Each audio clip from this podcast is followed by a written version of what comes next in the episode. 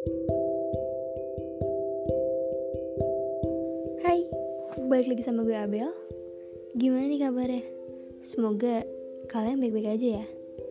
Di podcast kali ini, pembahasannya agak sedikit berat sih. Tapi ya udah langsung aja. Kalian pernah gak sih? Ngerasa capek sama apa yang kalian rasain? Capek harus pura-pura bahagia.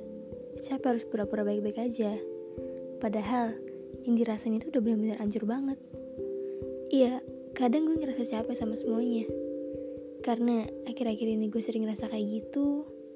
Gue kayak tiba-tiba suka sedih sendiri Tanpa alasan. Dan gue gak bisa ngertiin diri gue sendiri. Gue suka bingung harus kayak gimana. Harus ngelakuin apa. Bahkan Mau cerita ke teman pun berat rasanya.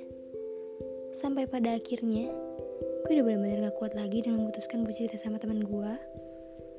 Dan saat itu juga Dia ngeluarin kata-kata yang menurut gue bisa bikin gue sadar. Ya emang bener sih. Dari situ gue sadar Bahwa yang capek bukan gue doang.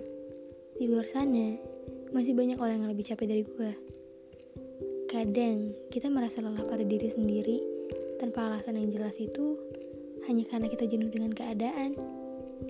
Di saat perasaan kayak gitu datang Yang kita butuhin cuma rehat. Kadang diri kita butuh ketenangan Butuh sendiri Butuh ruang dan waktu dan apa pun yang terjadi, kita harus tetap kuat. Gak apa-apa sedih, gak apa-apa nangis, gak apa-apa capek. Kan kita juga manusia. Manusia berhak merasakan seperti itu. Jadikan kesedihan itu menjadi kekuatan. Kekuatan untuk melawan rasa kesepian dan sakit. Menjadi bahagia. Hidup tak pernah lepas dari masalah. Karena masalah adalah cara Tuhan menjadikanmu pribadi yang lebih kuat dan lebih baik. Setiap orang punya masalah kok akan ada masanya kita tiba di titik jenuh, lelah, kemudian menyerah. Wajar, manusia memang begitu. Tetap semangat ya. Kalau capek istirahat, kalau lelah ya rehat. Memang maknanya sama, namun tidak dalam artian masing-masing orang.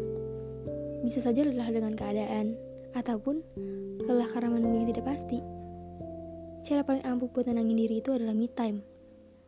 Atau dengan dengerin musik contohnya? Ya entah musik apa pun itu yang pasti membuat kita merasa lebih lega dan lebih tenang daripada sebelumnya.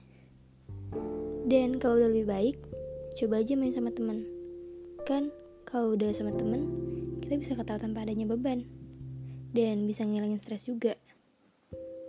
Tuhan itu adil. Di saat kita terpuruk pasti ada aja sandaran. Di saat kita terluka pasti ada aja yang mengobati dan di saat kita jatuh pasti ada aja yang membantu kita untuk bangkit. Buat yang masih bertahan sampai titik ini, untuk berjuang agar tetap hidup dengan tegar walaupun suasana hatimu sedang tidak baik-baik aja, berterima kasihlah pada dirimu sendiri, karena masih terus berusaha dan terlihat tetap kuat. Dan berterima kasih juga kepada orang-orang yang terdekat, yang selalu mensupportmu dalam keadaan apa pun. Nangislah dan luapkanlah semua amarahmu kepada sahabat atau orang kamu percaya karena itu akan membuatmu sedikit lega.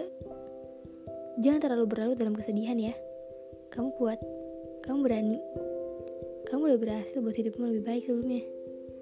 Senyum dong, biar dunia lihat seberapa tegarnya kamu. Gak apa-apa, semuanya akan baik-baik aja kok. Bukannya kalau melihat pelangi harus melihat badai dulu. Gak apa-apa sekarang kamu sedih, kecewa, sakit hati, nangis.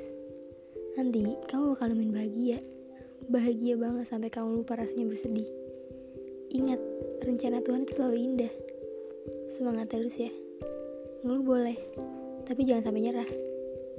Pembahasan kali ini cukup sampai di sini ya. Mohon maaf kalau ada kata-kata yang salah atau apa pun itu. Di sini, gue bukannya mengatain kalian aja kok. Dengan kayak gini, gue juga bisa lebih semangat lagi dan membuat diri gue berpikir kalau gue aja bisa semangatin orang masa semangatin diri sendiri gak bisa? Nah makasih ya yang udah mau denger sampai akhir. Jangan bosan dengerin suara gue ya. Bye